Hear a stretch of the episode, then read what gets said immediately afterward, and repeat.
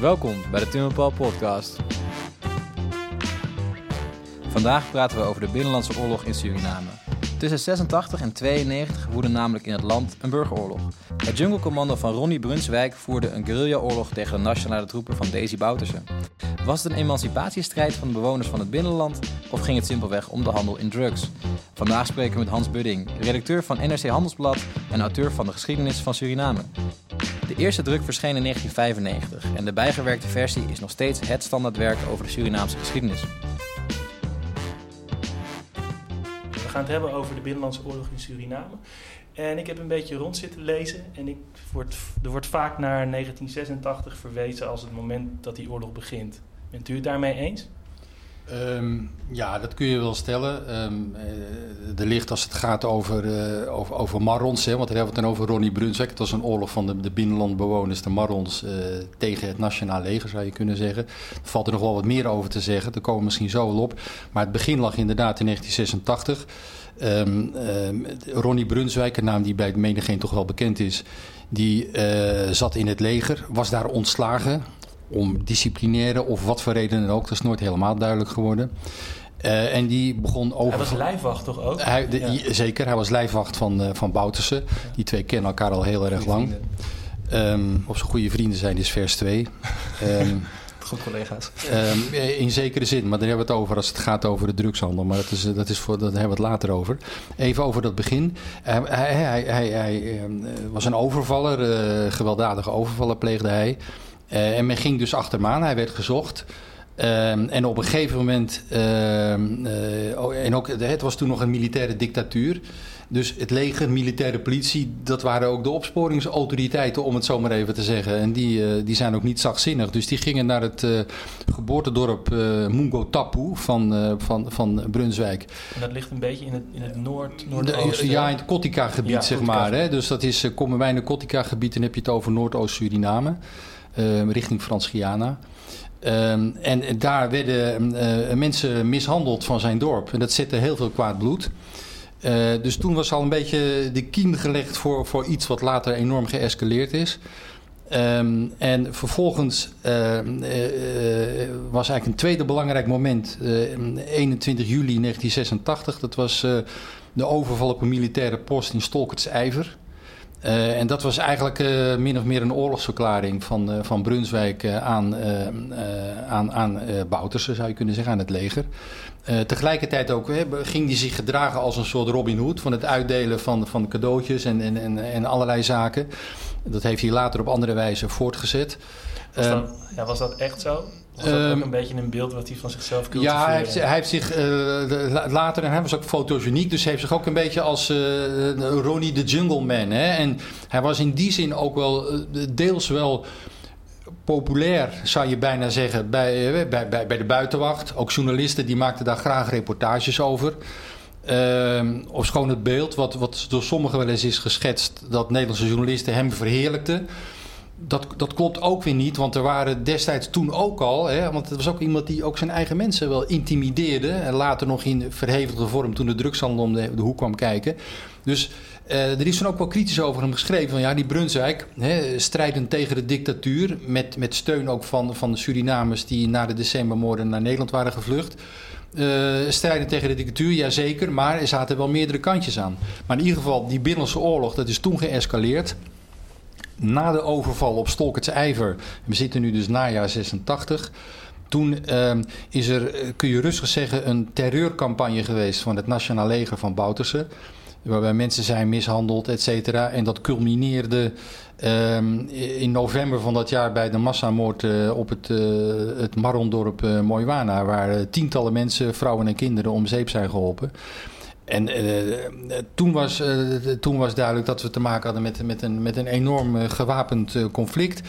En wat toen ook gebeurde is dat zeg maar, het traditioneel leiderschap van de Marons, hè, de grandmans, de kapiteins, die hadden niet zoveel baat bij oorlog. Hè. Hun salarissen worden betaald door de regering in Paramaribo. En als Oost-Suriname zich afsluit van de rest, dan komt dat geld niet meer. Hè. Die lui waren in feite ook een soort ambtenarenkapiteins in de overheidsdienst enzovoort. Maar Ehm, dus die hebben ook nog pogingen gedaan door, door overleg te plegen met de toenmalige zittende eh, regering, die deels ook uit burgers bestond onder die militaire dictatuur. Onder andere met Jules Wijnenbos is gesproken van we moeten die zaak apeseren, we moeten het niet laten escaleren. Ja. Dat is eigenlijk eh, niet gelukt. Eh, hè, ehm, en, en, en later is die zaak verder geëscaleerd. Toen is er later in de jaren tachtig. toen zat er een regering Shankar. Eh, Nog steeds in het militaire dat was een burgerregering, omdat er intussen in 1987 verkiezingen waren gekomen. En sommigen zeggen, dat is nooit te bewijzen, die druk vanuit die guerrilla van de Marrons heeft er mede toe bijgedragen dat die verkiezingen werden gehouden.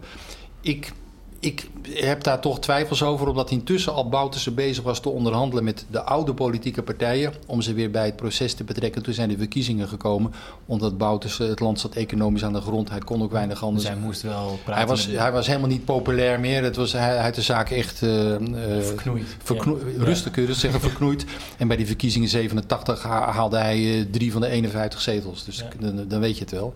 Ja, nog even terug naar dat moment dat er dan een, een, een Marondorp wordt uitgemoord. Je zei dat er tientallen ja, gewonden, doden... Ja, doden. Dus er, Doden, er, ja, er zijn echt mensen, gewoon vrouwen en kinderen, wel bewust om zeep geholpen. En misschien is het even, even goed ehm, ter vergelijking dat de totale bevolking van Suriname op dat moment en nog steeds eigenlijk best wel klein is. Hè? Dus nou ja, je, je, je, je spreekt, het is überhaupt een, een zeer ernstig feit. Maar je spreekt dan over een bevolking van toen zeg maar ehm, 450, eh, Ja. misschien 500.000. Eh, dus dit, dit, dit had een enorme impact. Dit Ja. was, en ook internationaal trok dit Ja, enorm de- aandacht. de- ja, ik wil het vragen, wat is dan de, de reactie vanuit Nederland? Vanuit de pers en, en de politiek? Nou, kijk, Ne- Nederland, eh, Nederland had, had al de hulp eh, aan Suriname stopgezet na december 1982. Mhm. Toen 15 opposanten van Bouterse journalisten, advocaten, mensen uit bedrijfsleven... Decembermoorden. December- decembermoorden zijn vermoord. Ehm, dat proces loopt nu nog. Hè? Ehm, dus die hulp was al stopgezet. En in Nederland had je, eh, zeg maar, eh, wat ze dan wel noemden, het Surinaams verzet. Dus dat waren mensen die na de decembermoorden waren gevlucht. Onder andere oud-president Shinna Sen, André Haakmat, Ja. een oud-minister. Die zich verenigd hadden in een soort eh, bevrijdingsfront, of hoe je, het, no- hoe je het ook noemen wil. En die, maar het was ook weer verdeeld onderling. En die steunden dan wel dat jungle commando. In de zin van eh, hè, zet die bouters onder druk. Maar die konden ook weinig, eh, eh, weinig doen. Die hadden ook weinig financiële middelen. Het was wel zo dat zeg maar, ehm, eh, de Fransen, Frans-Guyana, het buurland. En ook Nederland. En ook de Amerikanen. Die in dat gebied nog steeds, zeg ik, een geweldig goed inlichtingapparaat hebben. Die weten ook alles van Boutersen. Maar goed, De Amerikanen? ja, ja, die weten alles van Boutersen. Ze hebben ook zo, het is niet voor niks dat ze zijn zoon hebben laten arresteren in Panama. Hè? Dus, maar dat is een ander chapiter. Dus, en die hebben toen eigenlijk die, dat jungle commando een beetje zijn gang laten gaan. Die hebben ze wat ruimte geboden. Ze konden zich bewegen in Frans-Guyana. Ze mochten ook de rivier over. daar. ze mochten de rivier Ja. over.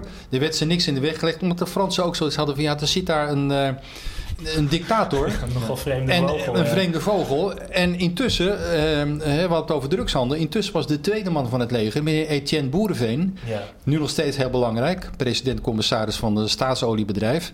Eh, die, die was eh, gepakt en veroordeeld in Amerika voor drugshandel. Dus ze hadden ook zoiets van, Bouterse moet weg. En als er Ja. dan een gewapende groep is...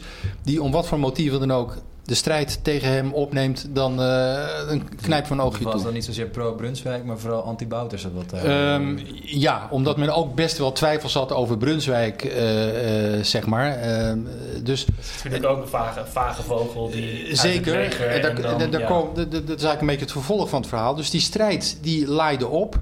En toen is er in zeg maar onder de regering Shankar, burgerregering, ja, die wilde er een eind te maken. Die wilde het land opbouwen om eindelijk aan de economische chaos een eind te maken. Dus die zijn gaan onderhandelen. Hè, de oude Jagannath Lakshman, de, de Hindoestaanse leider. Um, wat, uh, wat, al een politicus was sinds jaren, toch? Een politicus vanaf uh, ja. net na de Tweede Wereldoorlog. Ja. Hij was op een gegeven moment ook de langst zittende parlementariër ter wereld. Iemand met statuur. Iemand ja. met veel statuur. Uh, en ook zeer bewonderenswaardig, want die heeft er ook voor gezorgd dat Kriolen en Hindoestaan in Suriname op een goede manier met elkaar omgaan. Um, dus die, heeft zich, die bemoeide zich met die onderhandelingen. En daar is ook een, in Kourou, waar nu die raketten worden omhoog geschoten in Frans-Guyana, is een, een, een, vredesverdrag gesloten. Um, en uh, nou ja, je zou denken van oké. Okay, klaar. Klaar. Vrede. Na drie ja. jaar zijn veel mensen omgekomen, ook bij het leger. Want laten we wel wezen, het Jungle Commando was ook niet zachtzinnig. Nee. Um, En toen, uh, ik zou bijna zeggen, toen kwam eigenlijk de aap uit de mouw. Wat er toen is gebeurd, is dat Bouterse. Ik heb dat destijds. Ik stond er met mijn neus bovenop. Ik heb het in de krant allemaal beschreven. Toen is eigenlijk Bouterse heeft zich tegen dat vredesakkoord verzet. Onder het motto: wij praten niet met terroristen. Uh, er was onder andere ook afgesproken dat de Jungle Commando. een deel daarvan zou deel gaan uitmaken van de politie in het binnenland. Om bijvoorbeeld ook ervoor te zorgen dat mensen die repatriëren, de vluchtelingen die intussen in Frans-Guyana zaten, dat, dat, dat die beschermd zouden worden. Dus dat dat ordelijk zou verlopen. Uh, en Bouterse die uh, wilde er absoluut niet mee akkoord gaan. En um, de analyse, en er zijn ook voldoende aanwijzingen, was eigenlijk dat hij de controle over het binnenland, waar de drugsvliegtuigjes uh, landen, dat hij die controle niet wilde verliezen.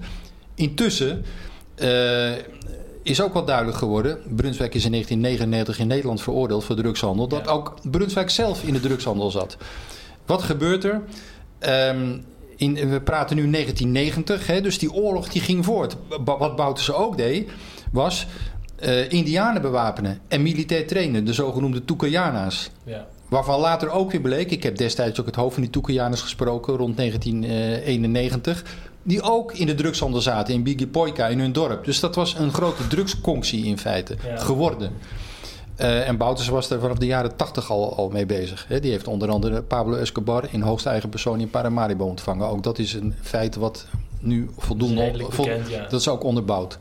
Ja. Um, en wat gebeurde er toen? Toen is in 1990... en het is als je nagaat wat er allemaal gebeurd is, is echt meer dan verschrikkelijk. Toen is zeg maar de belangrijkste politieinspecteur Herman Goeding, die onderzoek deed naar Mooiwana, maar ook naar drugs, die is um, op het uh, hoofdkwartier van de militaire politiegroepen om, om, uh, om, om, om allerlei dingen toe te lichten, om met elkaar te spreken over zaken. Die verlaat het militair politiebureau, wordt op ongeveer 200 meter daar vandaan klemgereden en wordt uit zijn auto getrokken en daar uh, geëxecuteerd. Dat is geen toeval. Het is geen toeval. En vervolgens is er onderzoek gedaan en de minister van Justitie van de burgerregering zegt: wij lopen tegen een blinde muur, we kunnen helaas geen verder onderzoek doen.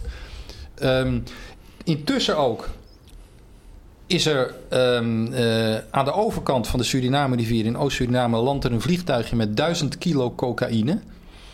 Um, dat is ook niet weinig. Waar, dat is niet weinig. Nee, waar, Colombia...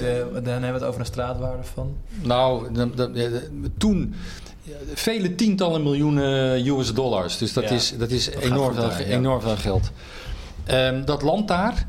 En um, uh, op, uh, op gebied van Brunswijk. Uh, de Colombianen die verklaren dat ze verdwaald zijn, dat ze naar West-Suriname hadden gemoeten. En er was ook nog een, een Amerikaan van Cubaanse afkomst aan boord waarvan velen denken of menen te weten dat hij een inlichtingman was voor de Amerikanen. Dus het kan ook nog best zijn dat het een operatie is waar, waar Amerikanen zeg maar als een soort undercover-achtig iets. De boel probeerde bloot te leggen. Ja, ik zeg wel eens: Suriname is in zekere zin een B-film waar je van uren kan zitten kijken.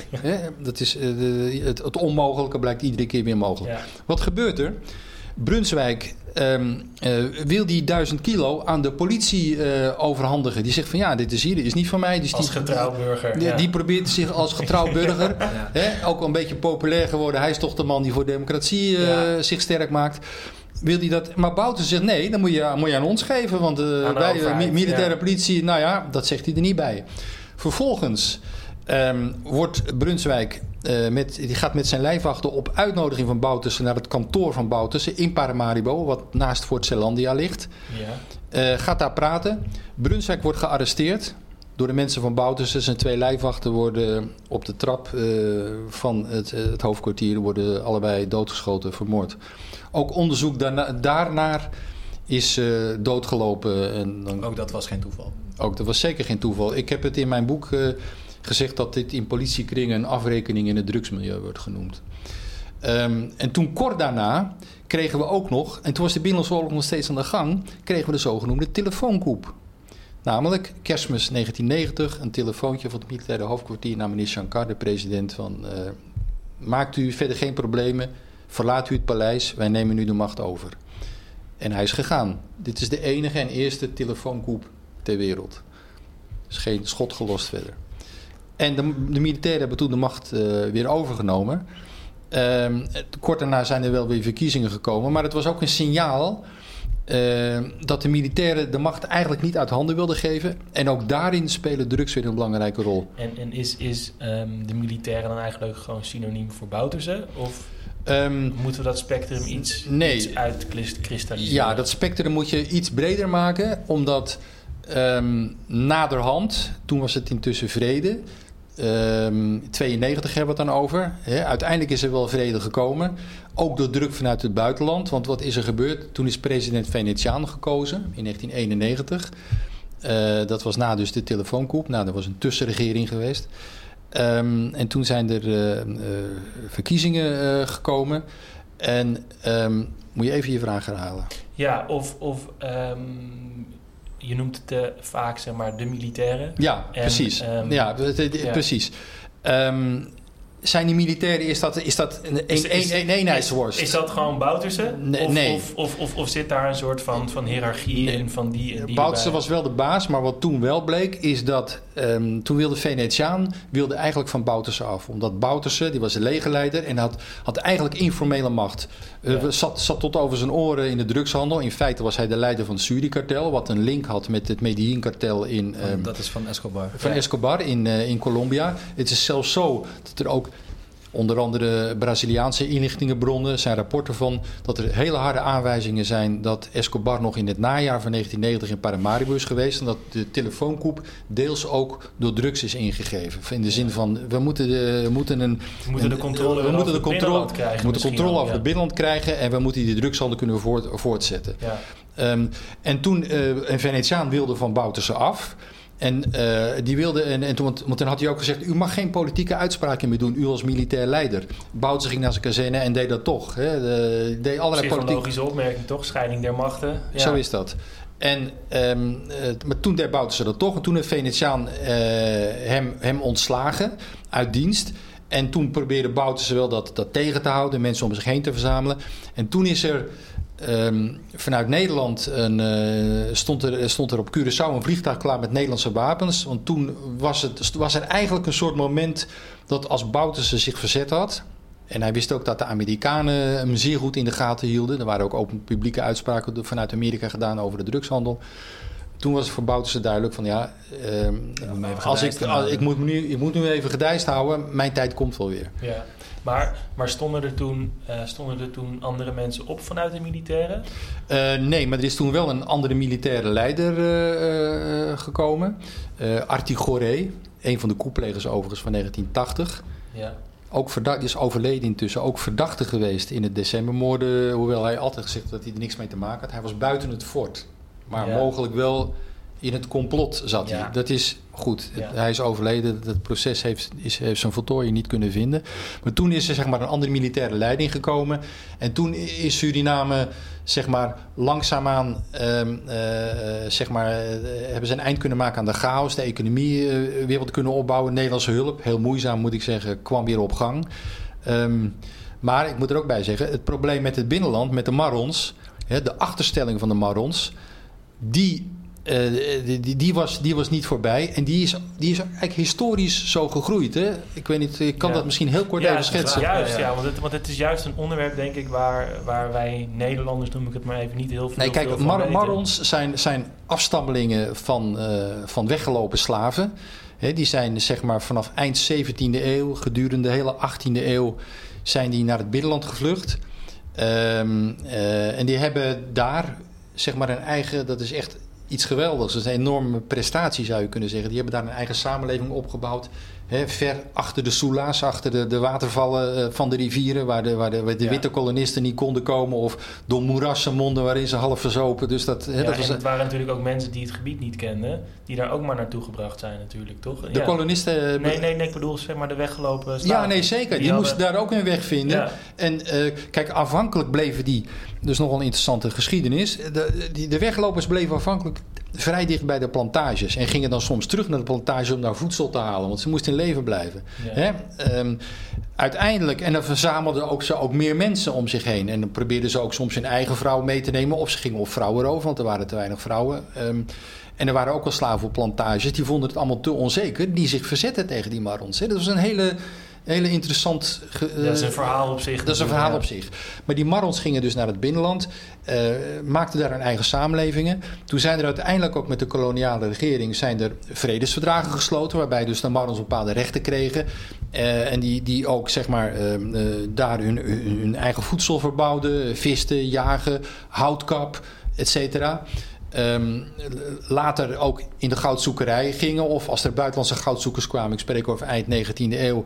eh, zij waren de mensen met, met de Korealen die op de rivieren de weg wisten. En da- Nog daar, steeds eigenlijk. toch? nog steeds. Ja. En toen al, vergis Ja. je niet, contact hadden met de stad. En eind 1900 goud geld verdienden aan het brengen van Amerikanen, Canadezen en wie dan ook naar het binnenland, Ja. naar de goudvelden. Nou, dus die samenleving die heeft, die, die, die is eigenstandig geworden. En die, die, die, hè, er zijn ook, ehm, eh, ook, ook, gronden waar ze, waar, ze, waar ze jagen, waar ze, enzovoorts. En internationale verdragen beschermen ook nu die, deze mensen. Hè? Ehm, eh, de Inter-Amerikaanse, ehm, het Inter-Amerikaanse gerechtshof bijvoorbeeld heeft in 2007... en dan zie je ook iets van die emancipatie van die Marrons... die nog steeds voor hun rechten eh, strijden... heeft een uitspraak gedaan in een zaak aangespannen door Saramakaner Marrons... Dat is een stam, hè? Dat is een stam die in, de, die in, de, in het gebied van de, de Saramaka wonen.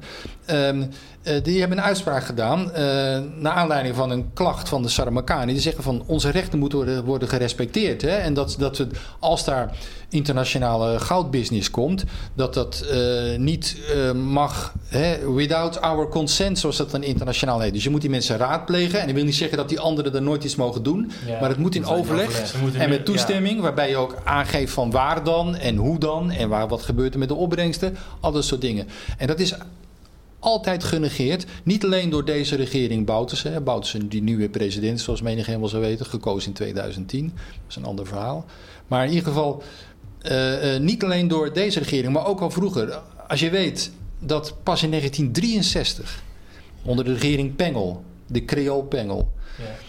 Ehm, En dat zijn, dat zijn eh de Dat- Creolen. dat zijn, ja, de, de NPS, de, de Nationale Partij Suriname, de Creolen, die, die werkten toen wel samen met de, met de Hindoestanen, met Latsmon. Hè, die hadden een gezamenlijke regering. Dat was ook heel goed, want het heeft Suriname welvaart gebracht. En er was geen etnische broederstrijd, zoals in het buurland Guyana het geval was. Maar in 63 pas werden de, de Marrons eh, in de bevolkingsregister opgenomen en kregen ze kiesrecht. Die zijn altijd tamelijk eh, achtergesteld en, en als van, nou ja, die mogen ook nog wat meedoen, maar eigenlijk zijn ze niet belangrijk.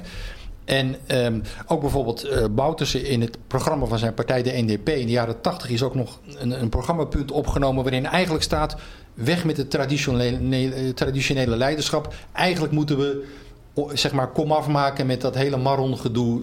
Het is allemaal één, één Ja. Suriname, eh, basta. Dat op is zich een mooie gedachte, hè? als je maar wel ook je eigen cultuur kunt bouwen. Ja, maar dat, wilt. dat, dat, dat, dat is allemaal ingegeven eh, veelal door, door politieke motieven eh, Ja. en, eh, en, en, en eigen belang.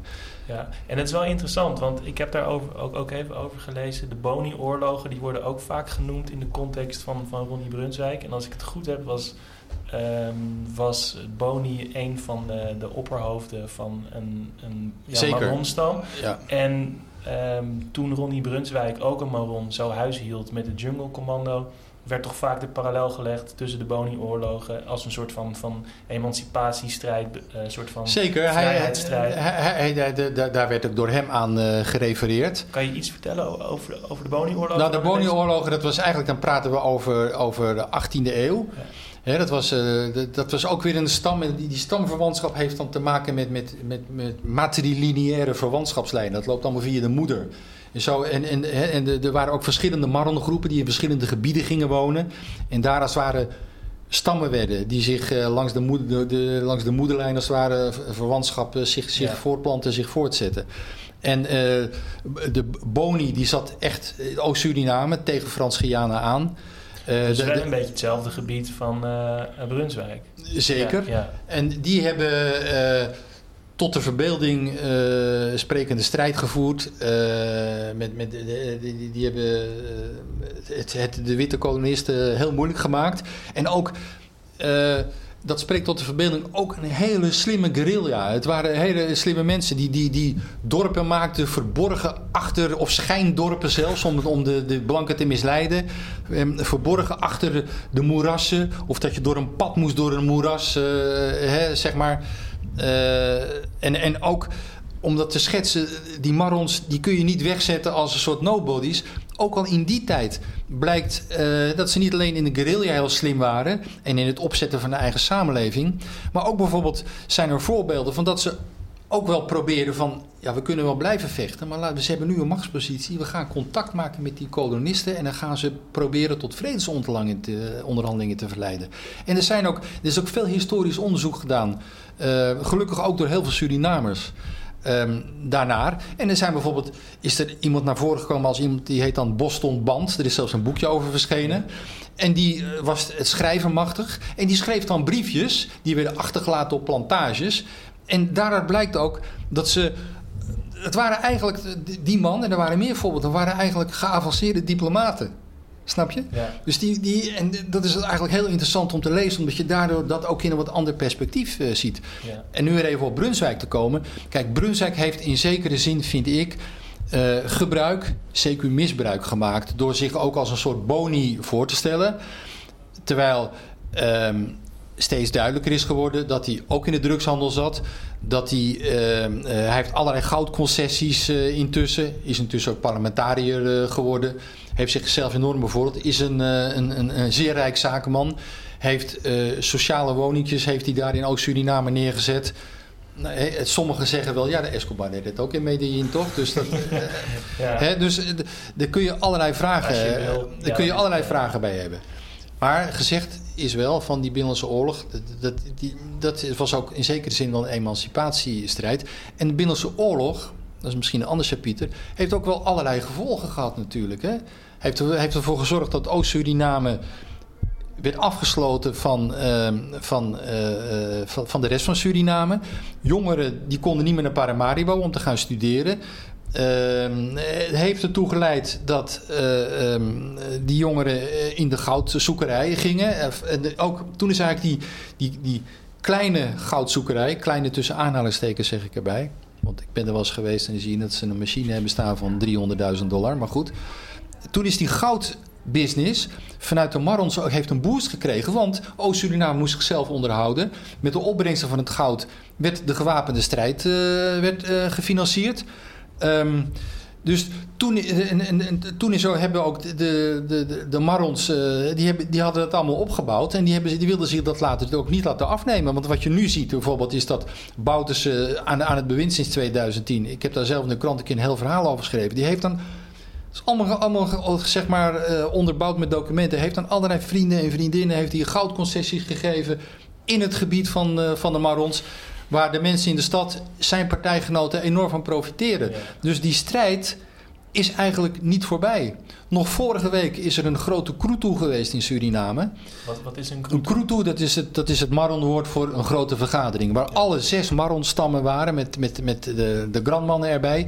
En die hebben weer een lijst gemaakt van eisen. Die er weer op neerkomen. Respecteer onze rechten. We willen best praten. We zeggen niet dat hier niemand, geen buitenlandse maatschappij mag komen die goud exploiteert ten goede van heel Suriname.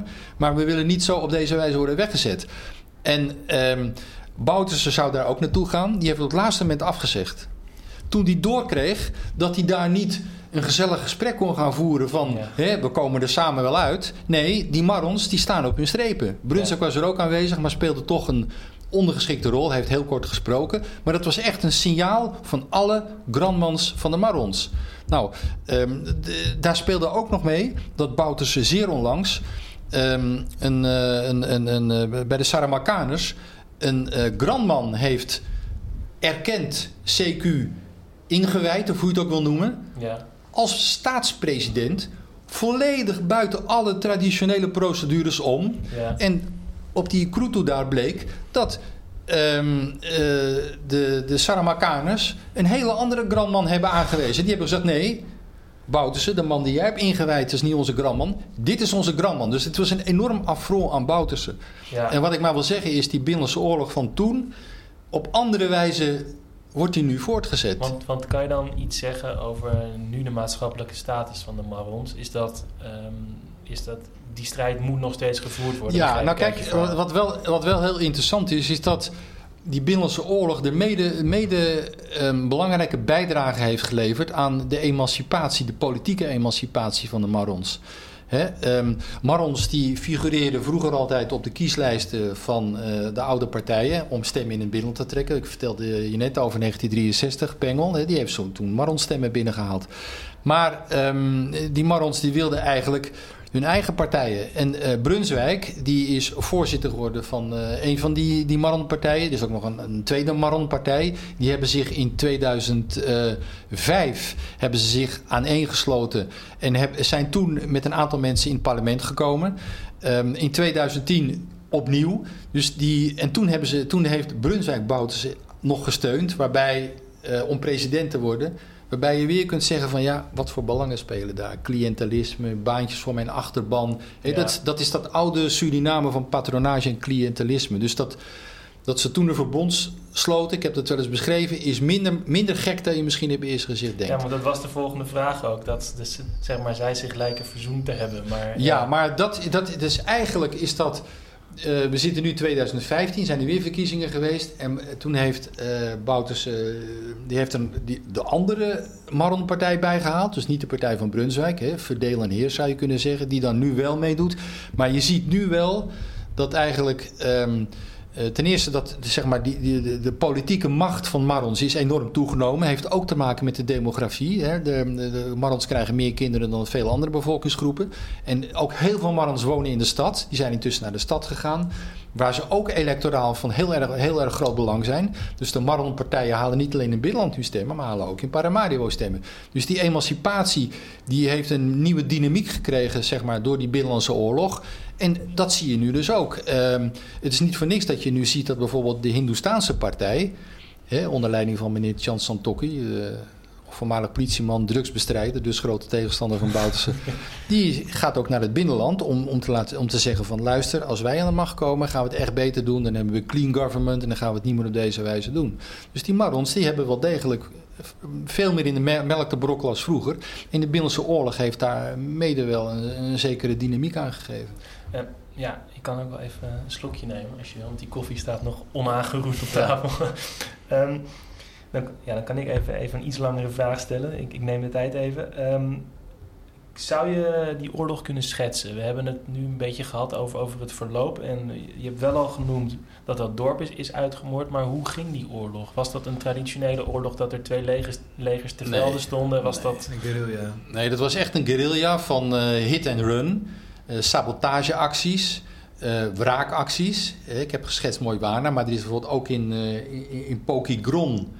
Uh, in 1987, meen ik, uh, ja, 1987 is ook nog weer een wraakactie geweest van het leger, waarbij zeggen destijds Franse organisaties, humanitaire organisaties die daar, die daar in de buurt zijn geweest destijds, dat daar ook twintig mensen zijn vermoord. Dat sommige mensen hun eigen graf moesten graven, standrechtelijk zijn geëxecuteerd. Dus er zijn allerlei dingen gebeurd. Ik zeg er ook bij dat ook um,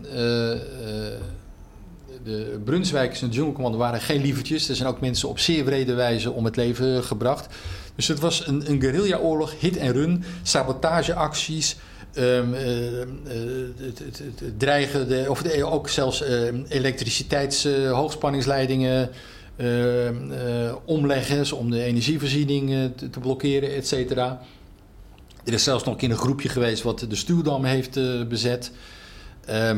En Bouterse die dan Indianen ging inschakelen om ook mee te doen in de strijd tegen het Jungle Commando. Waarbij hij eigenlijk zeg maar de vroegere, hè, uit de vroegere eeuwen, de, de, de, de, de, de, toch de tegenstellingen tussen inheemse en Marons, hè, die, die er ook was. Of schoon ze ook van elkaar leerden welk voedsel je wel en niet kon gebruiken en hoe je vissen moest vangen enzovoort. Ja. Dat ook.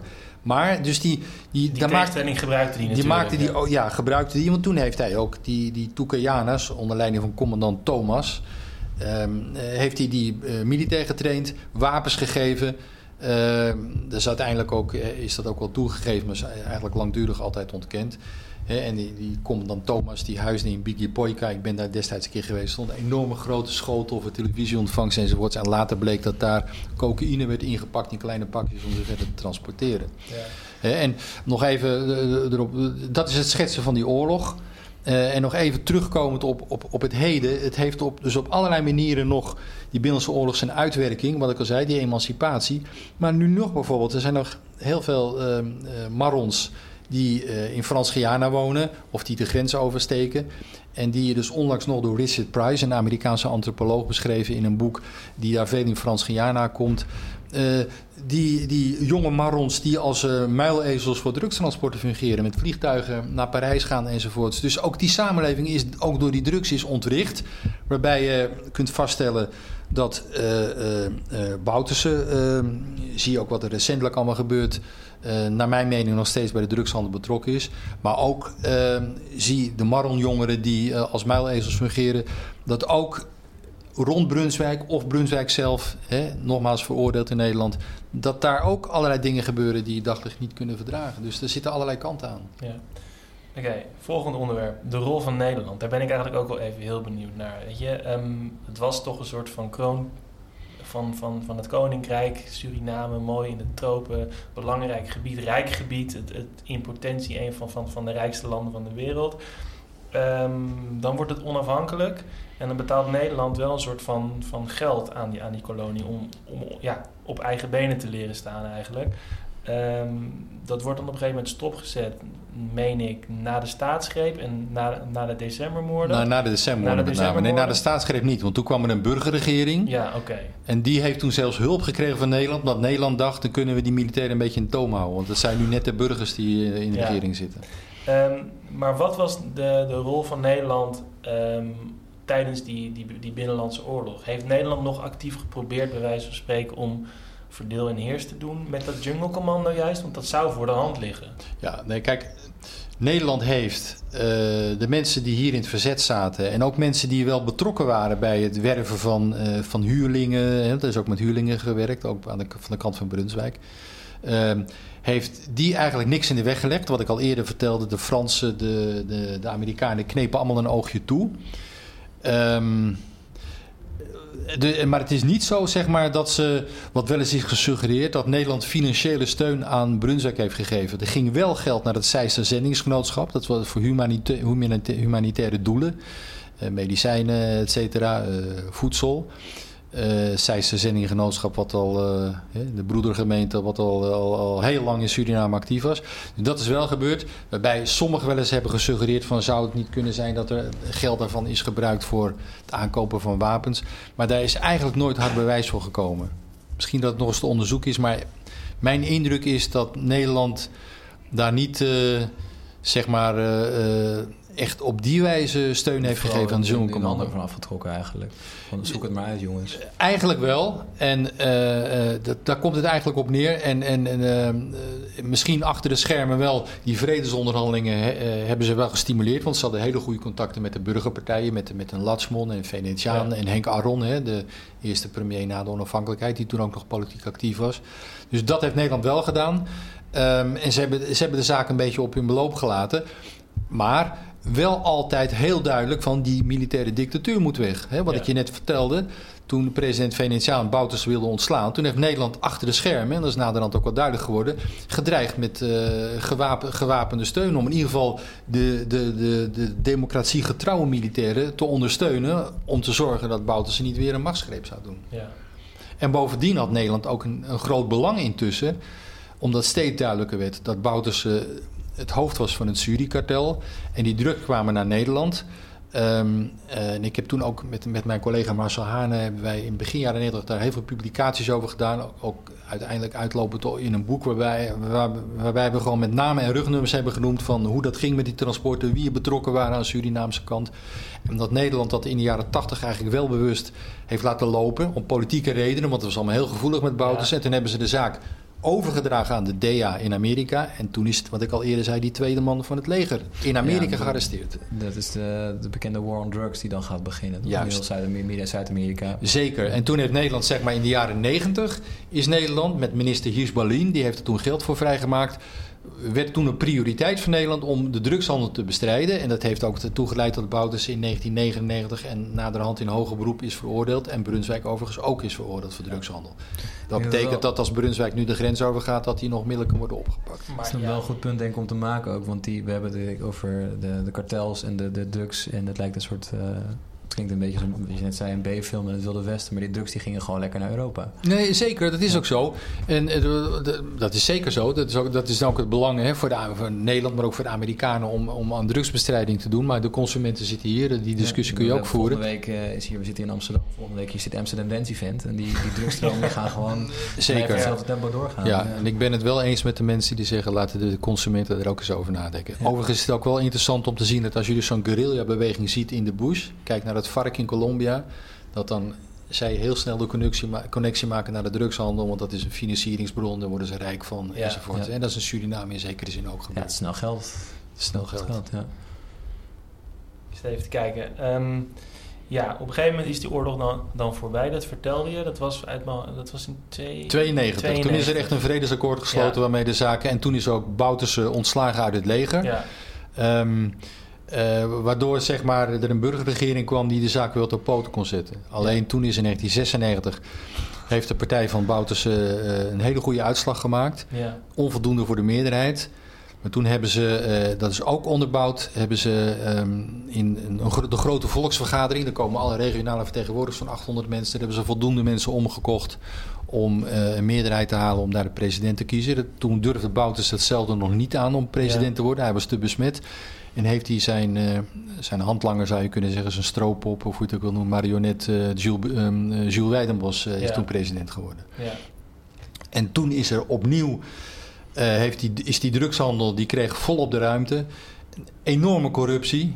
We hebben toen ook, ook wel bekend de bouw van de, de Suriname-brug gehad op Ballas-Nedam... waar Ja. mensen ervoor zijn veroordeeld en waarbij eh, steekpenningen... Dat is, daar zijn hele harde aanwijzingen voor, onder andere naar de hoogste leiding over Suriname zijn gegaan. Het is wel een mooie brug. Het is een hele mooie brug. Nee, en uiteindelijk moet je ook zeggen, die brug had er al veel eerder moeten Ja. liggen. En eigenlijk had je ook moeten zeggen dat Nederland, eh, met alle goede bedoelingen en al dat geld na die onafhankelijkheid, was ook een beetje zijn eigen schuld afkopen. Hè? Laten we het waar we wel wezen. Had daar ook wel wat meer aan kunnen doen als het over de infrastructuur ging. Ja. Dus nu is iedereen heel blij met die brug. Laten we dat ook vaststellen. Ehm, Brunswijk en Bouters gaan allebei de politiek in. En wat mij nou zo fascineerde, maar dat staat ook wel zo in jouw boek, dat wie schetst onze verbazing in 2006 staan zij als een soort van oude vrienden ergens. in- 2010. sorry, 2010 staan zij als oude vrienden in, in, in een hotellobby ergens de handen te schudden. Ja. Hoe keek jij daarnaar? Ehm, nou, ik, ik weet nog dat toen, dat is, dat werd toen in de nacht Nederlandse tijd bekend. Van ze Dat- zijn het eens. dat, ja. En Ba- eh, eh, Bouterse had de steun van Brunswijk nodig om in het parlement aan een, eh, een meerderheid te komen, een tweederde meerderheid, om tot president te worden gekozen. Want de president wordt indirect gekozen in Suriname Ja. door het parlement. En die sloten toen een deal. En toen, ik weet nog goed, ik werd gebeld eh, door de krant van eh, er, moet een, er moet een stuk komen, hoe kan dit? En toen heb ik wel, eh, want al kom je heel lang in Suriname, denk niet dat je weet, dat je snapt alles wat er gebeurt. Je moet voortdurend, in Suriname is voortdurend van wat ik zie, is dat wat ik zie, wat ik hoor, is dat wat ik hoor. Ehm, nog steeds. Dat maakt het ook wel uitermate boeiend. Dus ik heb toen wel een paar mensen gebeld van hoe kijk jij er nou tegenaan? En ik heb toen een stuk gemaakt van het is minder gek dan het lijkt. Want het past in de Surinaamse politiek van cliëntelisme en patronage. In Suriname moet je eigenlijk in de regering zitten om je achterban te kunnen bedienen. En dat, is, dat kan met, zijn met, met, met, met gronden om huizen te bouwen, eh, baantjes. Je ziet wat er afgelopen sinds 2010 is gebeurd. Aanvankelijk deed Brunswijk mee tot 2015. Het ambtenarenapparaat in Suriname is van ruim 40.000 tot de jongste cijfers toegenomen tot ongeveer 60.000 mensen. Dus er zijn zo'n 15.000 tot 20.000 banen bijgekomen. En het zijn allemaal banen die naar, naar, naar politiek verwante mensen gaan. Dus dat akkoord van Brunswijk en Bouterse, dat was niet zo gek als het lijkt. Want die hebben toen gewoon een deal gemaakt. Brunswijk kon eh, zeg maar verder gaan met, noem het maar, het emanciperen van zijn achterban. Hè? Want sociaal-economisch zijn Marons en overigens ook Javanen zijn achtergebleven. Somoharjo, de Javaanse leider, deed toen ook mee in de coalitie in 2010 met Bouterse. Ja. Wetende dat Somoharjo ooit gevangen heeft gezeten en gemarteld is in de cellen van Bouterse. Maar het is dus in de Surinaamse context, je kunt er droevig van worden, Ja. word ik ook wel eens. Als buitenstaander, dan is Dan het denk echt je, hoe kan dit? Maar dit, ja, maar dit is dus het, de, de, de, de, de weinig moderne ouderwetse politiek. Hè, Bouterse die wil zich graag neerzetten als eh, de modern man, de man de, de van de wereld enzovoort. Ja. Het is hele ouderwetse politiek, cliëntelisme, patronage. Hè, en etniciteit in Suriname, er gebeurt wel wat, speelt nog steeds een rol. Ook in de multi-etnische partij van Bouterse. Bouterse en zijn mensen zijn heel slim. In bepaalde gebieden stellen ze bepaalde mensen kandidaat die van een bepaald etnische afkomst zijn. Zijn vicepresident, en Hindustan, is onlangs verhuisd naar het district Wanika bij Paramaribo. Want daar wonen veel Hindustanen en over anderhalf jaar zijn er weer verkiezingen. Dus dan moet je daar iemand hebben die, eh, waarmee je voor de dag kan komen. Nee, Zo werkt het in Suriname en zo is het dus. Suriname is echt een spiegelpaleis waarbij je voortdurend moet kijken wat gebeurt hier nou. En ik, de, zeg maar de politieke modernisering van Suriname en ook de economische modernisering van Suriname, het ambtenarenapparaat a- afbouwen, ehm, echt eh, good governance, al dat soort dingen. Ja, ehm, er zijn een aantal aanzetten gegeven door de burger, vorige burgerregering. Maar eigenlijk is dat perspectief onder Bouterse opnieuw eh, totaal achter de horizon verdwenen. En er moet er dus weer een hele hoop gebeuren in dat land wat onder een enorme schuldenberg nu ook eh, gebukt gaat. Dus het is weer terug bij af. En de, je noemde het net al, er zijn in 2020 zijn er de nieuwe verkiezingen. En jij, hoe, hoe groot schat jij de kans in dat Bouterse daar nog steeds een belangrijke rol in gaat spelen? In Suriname zeggen ze altijd eh, dat eh, eh, weet het, eh, bij, bij, bij God en Suriname is alles mogelijk. Maar ik moet zeggen, eh, dat is ook wel moedgevend. Hè? Want er zijn in Suriname ook een heleboel mensen, ook jongeren, die nu verder kijken dan hun neus lang is. Sociale media spelen daar een rol bij. Die, die, die echt opstaan van eh, genoeg is genoeg. Eh, die ook om zich heen kijken, de, de armoede, het gezondheidssysteem, wat niet meer gefinancierd kan worden, wat in elkaar stort. Ehm, eh, economisch het slechter gaat. Enorme schulden die zijn gemaakt, waarbij hè, een, een wetgeving die de schuld limiteerde tot een bepaald plafond door het parlement opzij is gezet. Zo van, Zo gaat laat dat, maar. ja. Ja. Precies, omdat anders hè, de vorige regering die had het strafbaar gemaakt. En dan zou de minister van Financiën in de gevangenis kunnen Ja. verdwijnen. Wel, dus er gebeuren, en de bevolking ziet dat. En je ziet wel dat er nu, bijvoorbeeld bij de VAP, de Hindustaanse partij van die minister Santokki die ik al noemde, die, die, die, die predikt good governance. Eerst zien dan geloven, zeggen vele mensen. Ja. En er zijn jongeren die met een politieke beweging zijn gestart. Ehm, dus er is wel een beweging van eh, zo kan het niet verder. De wal heeft het schip gekeerd, zou je kunnen zeggen. Ehm, dus het lijkt mij sterk. Dat, ik, ik denk, kijk, Bouts heeft nu 26 van de 51 zetels, net een meerderheid. Ehm, het lijkt mij sterk dat hij er meer dan 15 of 16 zou halen. Dat betekent dat hij eigenlijk, eh, en anderen denk ik niet meer dat hij nog met hem willen samenwerken. Tegenstanders zeggen, we kunnen de verkiezingen wel winnen, maar we moeten de regeringsvorming ook nog winnen. Ja. Ja. Kijk wat er in 96 is gebeurd. En de informele macht natuurlijk, die er nog steeds Eh, is. Dat sowieso. Hè, want wat je, wat je ook kunt verwachten is de, de corruptie is zo enorm. En hoge pieten zijn daar zo tot over, het- heel tot over hun oren zitten daarin. Dat je ook kunt verwachten dat je na de verkiezingen zeg maar een, een grote schoonmaak krijgt in allerlei opzichten. Ja. Hè, en dat wordt politiek ook razend interessant. Verwacht Waarbij, ook? waarbij ook weer om even op Brunswijk te komen, de Marrons een enorm politiek gewicht in die schaal eh, gaan leggen. Want die emancipatie van de Marrons is wel voortgeschreden. Ze hebben ministers geleverd, mensen hebben gestudeerd enzovoort. Dus dat valt ook niet te onderschatten. Verwacht je dan ook situaties, stel je voor Bouterse blijft wel aan de macht en het gaat economisch nog eh, harder achteruit. Er liggen daar een aantal landen in de buurt, Eh, ik noem even Venezuela, waar op dit moment een totale crisis is. Ja. Eh, Nou, zie kijk, je Suriname die richting opgaan dan? De tegenkrachten die zijn er in Suriname wel. En wat ook nog in Suriname het geval is, kijk, er zijn in Suriname geen politieke gevangenen. Verkiezingen vooralsnog lopen al, zijn altijd eerlijk gegaan. Ehm, er is een vrije pers. Dus dat kun je niet vergelijken met, met, met Venezuela. Het is wel zo dat. eh, eh, kijk, de, de natte droom van Bouters is dat er morgen eh, een mededeling komt van een van de oliemaatschappijen. Wij hebben net zoals in het buurland Guyana olie voor de kust gevonden. Ja. Want in, in Guyana dus hebben ze miljarden vondsten gedaan. Toevallig net op het zeegebied van Suriname nog helemaal niks, ondanks alle boringen. Er wordt al heel lang geboord. Op het land wel, er is een staatsoliemaatschappij. Als er morgen olie wordt gevonden voor de kust van Suriname, dan zal Bouterse dat ongetwijfeld gebruiken als van nu, gaat, eh, Ja. nu gaan we onze grote Dan zijn toekomst. alle problemen voorbij. Ja. Nu zijn alle problemen voorbij. We gaan onze schulden betalen. Ja. Kortom, een zonnige toekomst voor Suriname. En dan eh, moet ik zeggen, dan durf ik niet zo gauw een voorspelling te voldoen. Maar ehm, tenzij, tenzij Bouten zeg maar de olie, olie, olieloterij gaat pakken, wordt het eh, een lastig ja, verhaal zeker. eh, sommige Surinamers zeggen ook wel... God verhoede dat er voor de verkiezingen van 2020... een bekendmaking komt over een fonds van olie. Ja. Als die wordt gevonden, bewaar die mededeling liever voor na de verkiezingen. 21. Ja. Precies. Ja. Ja.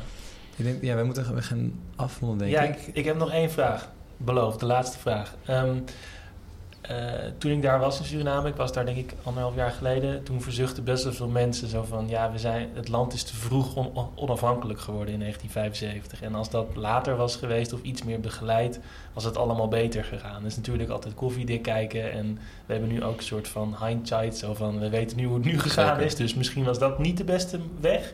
Maar wat denk jij daarover? Zou dat anders geweest zijn? Of, want het zou ook kunnen dat, dat Nederland het land op zo'n manier heeft achtergelaten... met allemaal bevolkingsgroepen die wij een soort van geïmporteerd weinig, hebben. weinig voorbeelden van landen die na een decolonisatie meteen... Ja, precies. Dus, dus, dus dat zou je ook kunnen zeggen. Het had Ja. geen lore uitgemaakt. Nou kijk, ja, je kunt er een paar dingen over zeggen. Wat een rol heeft gespeeld destijds... Hè, we hadden toen de regering Den Uyl in 1975... die aan de macht kwam in 1973, socialisten... en die hadden zoiets van... en dat was ook het internationale sentiment... van ehm, kolonie hebben, eigenlijk dat kan niet meer.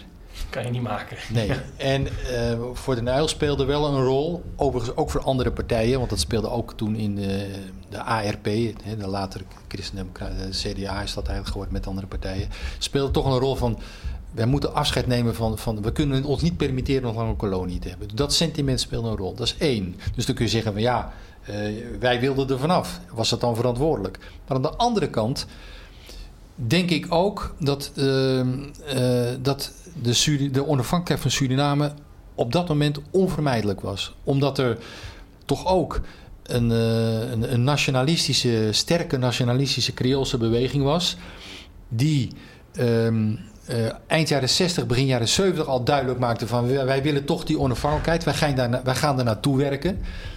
Ik moet er wel bij zeggen, dat is niet voor de verkiezingen expliciet door de toenmalige partijen gezegd. Pas toen de verkiezingen Ja. voorbij waren, toen zeiden ze van hè, nu gaat het uiterlijk gebeuren. ultimo 75. Ja. Maar Nederland kon dat eigenlijk niet tegenhouden. En er zijn toen tegenkrachten gekomen in Suriname, met name van eh, de, de, de Hindoestaanse bevolkingsgroep. Hè, dus de arbeidsimmigranten die in de 19e eeuw waren binnengekomen toen de slavernij was afgeschaft. Ehm, die bang waren voor Creoolse dominantie. Hè, de, de Creolen die ook domineerden in het leger enzovoorts. Van ja, welke toekomst gaan wij tegemoet? En toen zijn ook een heleboel Surinamers, ook Creolen overigens, naar Nederland gekomen. Die waren daar bang voor. En toen is er heel lang verzet geweest van de, van de Hindostanen. Ging ook over de grondwet. Welke waarborgen hebben, gaan we in de Surinaamse grondwet hebben? Moet er geen referendum komen over die grondwet? Ehm, en toen zijn er ook al juristen geweest. Nederland die, die had dat eigenlijk dat referendum ook moeten eisen. Hebben ze niet gedaan. Er was ook wel enig opportunisme van de Nederlandse kant toen. Aan de andere kant zeg ik. De roep om die onafhankelijkheid maakte het zodanig dat het onvermijdelijk was. En uiteindelijk, op het allerlaatste moment, hebben Hindoestanen, Latsmon en Aron, de Creoolse en Hindoestaanse leider, hebben zich met elkaar verzoend. En hebben die grondwet aanvaard. We gaan het toch doen, ja. We gaan het toch doen. Nou, ehm, ik denk eigenlijk, je- kunt niet zeggen dat het te vroeg is gekomen. Het was onvermijdelijk. Een heleboel andere landen in Afrika die waren al 10, 15 jaar onafhankelijk. Suriname was eigenlijk tamelijk laat. Ja, Dus wanneer had je het dan moeten doen? ja. Ja, natuurlijk Dat voor, is een- voor Nederland ook nog eens eh, ook behoorlijk wat decennia na Indonesië. Ja. Eh de declaratie daarvan, ja. Nou ja, kijk, het speelde ook nog een rol. Bij Indonesië was het misgelopen. En Nederland, hè, dat was ook de, de stelling van Den Uyl. Dit moet een model-decolonisatie worden. ja. En daarom, mede daarom, ook uit een soort schuldgevoel, heeft Nederland toen eh, alles bij elkaar zo'n 3 miljard gulden, zeg maar eh, 1,4 miljard, 1,3 miljard euro ter beschikking gesteld. Weliswaar uit te smeren over een lange periode. Ze hebben er ook tamelijk lang geda- over gedaan om het geld allemaal te besteden. Ja, maar dat, dat had daar ook mee te maken natuurlijk. Ook omdat Nederland toen, dat, ik heb dat zelf nog wel eens bestudeerd aan de hand van documenten, bleek eigenlijk dat ook het kabinet in Uyl als de dood was voor die immigratie. En die wilde ook op die manier hè, een einde maken aan immigratie. Want we hebben het wel eens over eh, anti-immigratiepartijen. Bij de Partij van de Arbeid toen, ja. was toen een burgemeester van Amsterdam, meneer Sam Kalde. Blijkt uit allerlei notules en gesprekken. Die, eh, die, wilde, die wilde die zwarten hier niet in Nederland. Hè? Dat zou, die, die kwamen met de Bijlmer Express naar, Bijl, naar de Bijlmer. Ja. Nou, dat, dat zou wat, eh, wat gedoe geven. ja. Hè, dus die angst speelde ook nog mee. Ja. Dat heeft hij uiteindelijk ook nog wat gevolgen gehad natuurlijk. Want als je in eh, rond 1980 over de CD liep, Ja. dan was het behoorlijk wat... eh, Nee, dus- en het, het was ook zo dat zeg maar in die periode was er, hè, wat was je nu met, met, met de Marokkaanse jongeren wel, was er toen met, met Surinamers, was er, was er wel een probleem. Ja. Hè? En, en, en, eh, enorm- dus dat enorm kwam niet zomaar uit de lucht eh, vallen. Maar goed, eh, er waren bepaalde anti-immigratiesentimenten ook binnen het kabinet, niet van den Uyl zelf. Ook van, van, van enkele ministers. Het blijkt uit het kabinet Van de- natuurlijk. die eh, toch wel ja, die ook wel de- D66 eh, onder andere. Meneer Gruiters, eh, die bepaalde uitlatingen binnen het kabinet deden. Van, waar je denkt van nou, eh, Daar zou nu je broek vanaf zijn. zou, ja. dat, zou je, dat zou je nu in het publiek niet meer zo zeggen.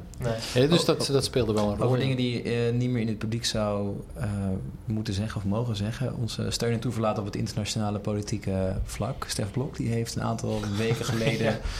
eh, wat uitspraak gedaan Ja, over kijk, Suriname. hij heeft gezegd dat Suriname een failed state is.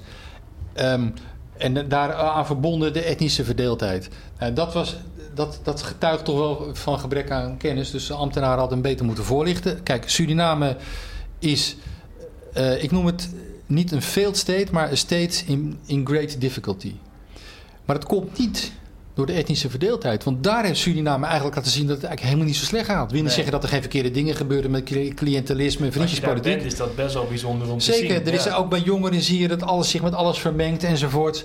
Dus ehm, nee, Suriname is een state in great difficulty door drugshandel, geïnitieerd en gefaciliteerd door de hoogste leiding, ook op dit moment. En door corruptie, die er altijd wel is geweest, maar nog nooit zo groot is geweest als onder de huidige regering. En dat maakt Suriname op dit moment tot eh, een state in great difficulty. En die zullen nog heel lang hun best moeten doen, de Surinamers, om er bovenuit te komen, eh, economisch, eh, moreel en anderszins. Dus we wachten met spanning de volgende verkiezingen Nou ja, af. wat, Eh, zeker. En wat nog interessant is, is het decembermoordenproces. Dat is ook de credit die je aan de Surinaamse rechtsstaat moet geven.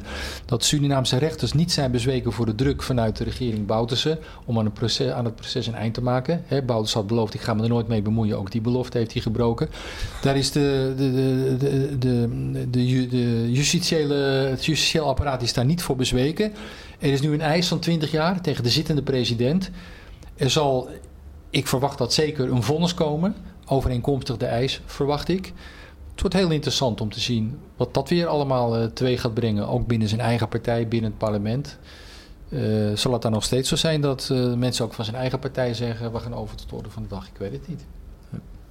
Dat is ook nog een interessante zaak. En dat komt nog voor de verkiezingen van 2020. Dat is misschien een leuk onderwerp voor de volgende podcast. Nou, we gaan het zien. over twee jaar Ja, ja. precies. Dat is goed. Hartstikke bedankt. Graag gedaan. Voor dit nou een interessant verhaal? Check dan onze leeslijst in de beschrijving. Abonneer je op ons podcastkanaal en check onze Facebookpagina. Groetjes thuis.